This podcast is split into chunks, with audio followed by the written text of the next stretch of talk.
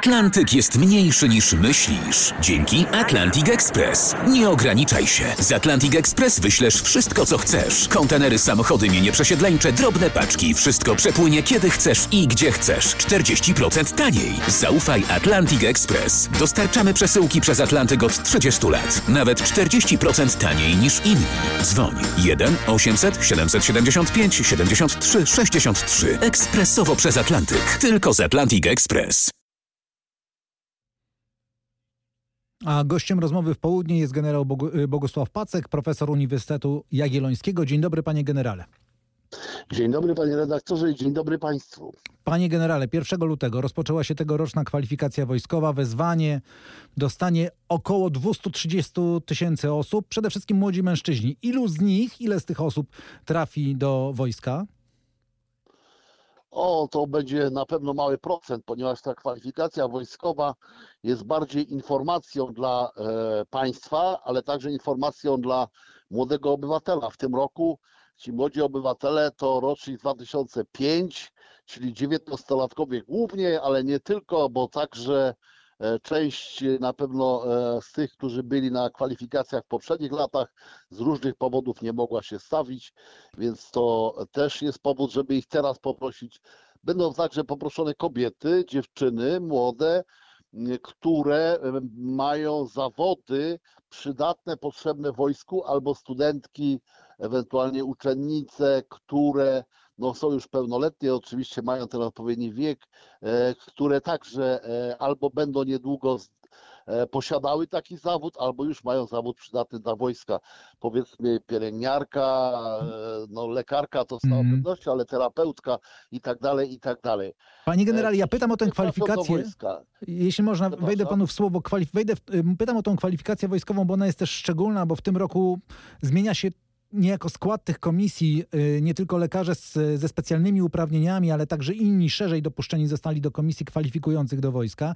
Czy to może oznaczać, że do wojska zostaną zakwalifikowane osoby, no, które do tego wojska trafić nie powinny?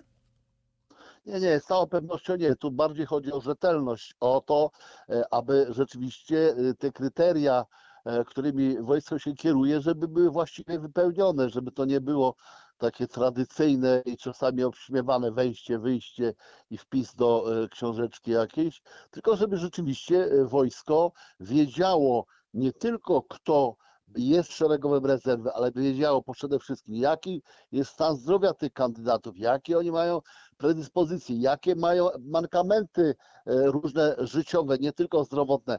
To wszystko jest ważne, bo ten młody człowiek następnym razem traf będzie miał kontakt z wojskiem tak naprawdę dopiero wtedy, kiedy rzeczywiście albo będzie sam się starał o służbę wojskową, albo będzie potrzebny państwu i wtedy go skieruje armia na dodatkowe, w ogóle na pierwsze tak naprawdę szkolenie, bo teraz będzie w rezerwie pasywnej, czyli e, zbadany, oceniony pod względem e, edukacji, pod względem przydatności do wojska, z nadania stopnia szeregowego i zapomniany na tak długo, dopóki nie będzie rzeczywiście armii potrzebny. A czy uważa pan, panie generale, że potrzebna jest w Polsce obowiązkowa służba wojskowa? Nie, nie jest potrzebna. Tutaj opieram się na doświadczeniach. Miałem jako świadek różnych zdarzeń y, przez długoletnią służbę wojskową.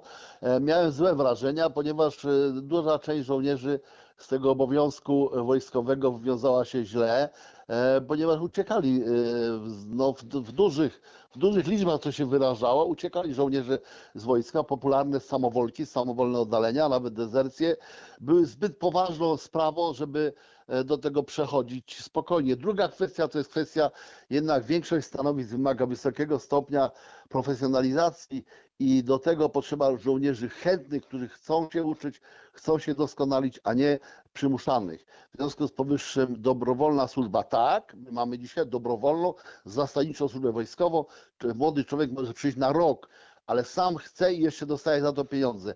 A obowiązek też będzie albo może być potrzebny, ale tylko wtedy, kiedy państwu coś zagraża. To jest dobre rozwiązanie. A jak czytam, że w Rosji nawet dzieci uczą się podczas specjalnych zajęć wojskowych obsługi technologii wojskowych dronów. Szczególnie chodzi o, oczywiście o ich e, pilotowanie.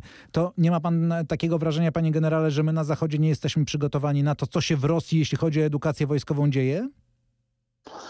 Tak, e, Rosja ma Junarmię, to jest młodzieżowa organizacja, taka podobna trochę do naszych związków strzeleckich i tam jest milion dzieciaków, ponad milion dzieciaków, a to nie jest jedyna organizacja w Rosji, więc nawet jak na 140-milionowe państwo, e, to są liczby ogromne. Rosja jest w stanie e, tak naprawdę permanentnej wojny duchowej od 1945 roku. Rosja żyje kultem wojny, kultem zagrożeń wojennych, kultem jakimś niespełnionych e, również różnych marzeń i nadziei.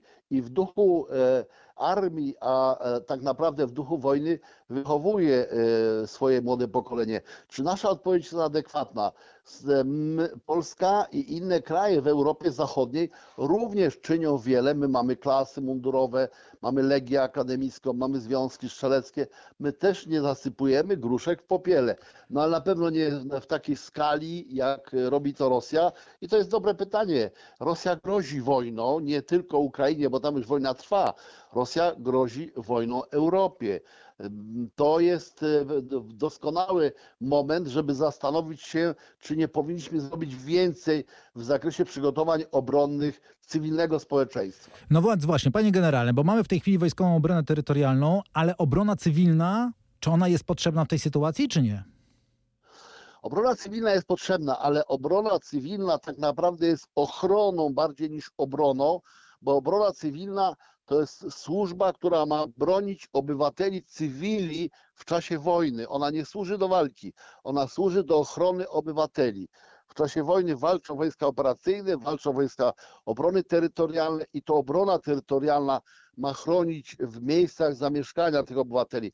Natomiast sama obrona cywilna to jest przetrwanie cywilnego społeczeństwa, to jest zabezpieczenie ludziom schronów, to jest postępowanie y, różnego typu, także pododdziałów, trochę podobnych do wojskowych, które mają e, działać, ale działać po to, żeby tysiące, miliony cywili mogły przetrwać bezpiecznie. Ale to nie jest, to nie jest wojsko. W związku z nową ustawą o obronie ojczyzny nie ma też e, prawa dotyczącego właśnie obrony cywilnej. Nowy resort, czy nowe kierownictwo resortu się do tego przygotowuje? Pan uważa, że taka ustawa jest niezbędna? To jest błąd oczywisty w tej obronie cywilnej i dzisiaj tak naprawdę nie ma szefa obrony cywilnej w wyniku tego legislacyjnego błędu. Obrona cywilna w Polsce jest potrzebna, to jest polska pięta Achillesa, jeżeli chodzi o e, przygotowania obronne i pozaobronne, e, ale związane z najważniejszymi zagrożeniami dla e, naszego społeczeństwa. Żyjemy w czasach, kiedy obok nas trwa wojna i w czasach, kiedy grozi się nam też konfliktem zbrojnym. W związku z powyższym nie może tak być, a tak jest, że państwo posiada zaledwie na 3% odpowiednie e, wyposażenie, żeby można było tych ludzi chronić. Myślę o maskach, o rękawicach, o odkażalnikach, o różnego typu rzeczach. To jest grzech, który powstał w połowie lat 90. Kolejne różne ekipy z tym e, e, po prostu jakoś żyły, a dzisiaj to jest ogromna praca do zrobienia, ale ważna i potrzebna, bo przecież gdyby doszło rzeczywiście do takiego konfliktu, to patrząc na Ukrainę, patrząc na to, co się dzieje w strefie gazy, na szereg powojennych konfliktów, cierpiały i ginęły tysiące e, ludzi, e, czasami e, dziesiątki, setki tysięcy, właśnie ze względu na brak przygotowania tego państwa. Dzisiaj, jak patrzymy na Ukrainę, to chociażby schrony, no jednak według mnie to wygląda lepiej w Ukrainie niż w Polsce, jeżeli chodzi o przygotowanie różnego typu pomieszczeń, schronów, na wypadek takiego poważnego zagrożenia. No, trzeba edukacyjna, też, mentalna.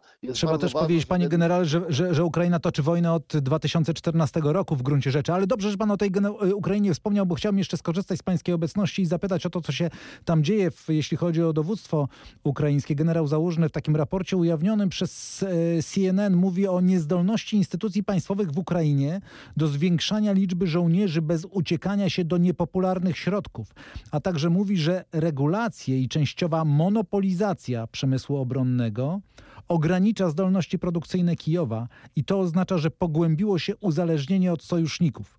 Tak mówi generał Załużny. To pan myśli, że to o to chodzi w sporze Załużny-Zełęński? To zupełnie, to zupełnie nie o to chodzi, bo tutaj akurat Załużny według mnie ma rację.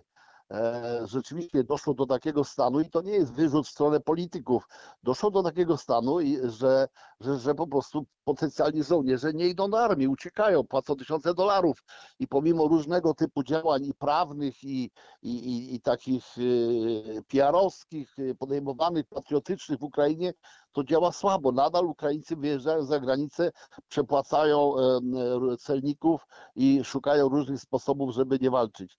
I to oznacza, że trzeba podjąć radykalne działania. To, tutaj ma e, załóżny rację. To nie jest pierwsza wojna i praktycznie w każdej wojnie z takim elementem się spotykaliśmy w przeszłości, że ludzie e, po prostu mieli z tym problem, że malała wola walki w wierszach i w pięknych opowiadaniach o wojnie. Oczywiście uwypukla się te rzeczy heroiczne. No nie mówi o dezerterach, o tym, że e, ktoś tam zdradził na przykład i tak dalej.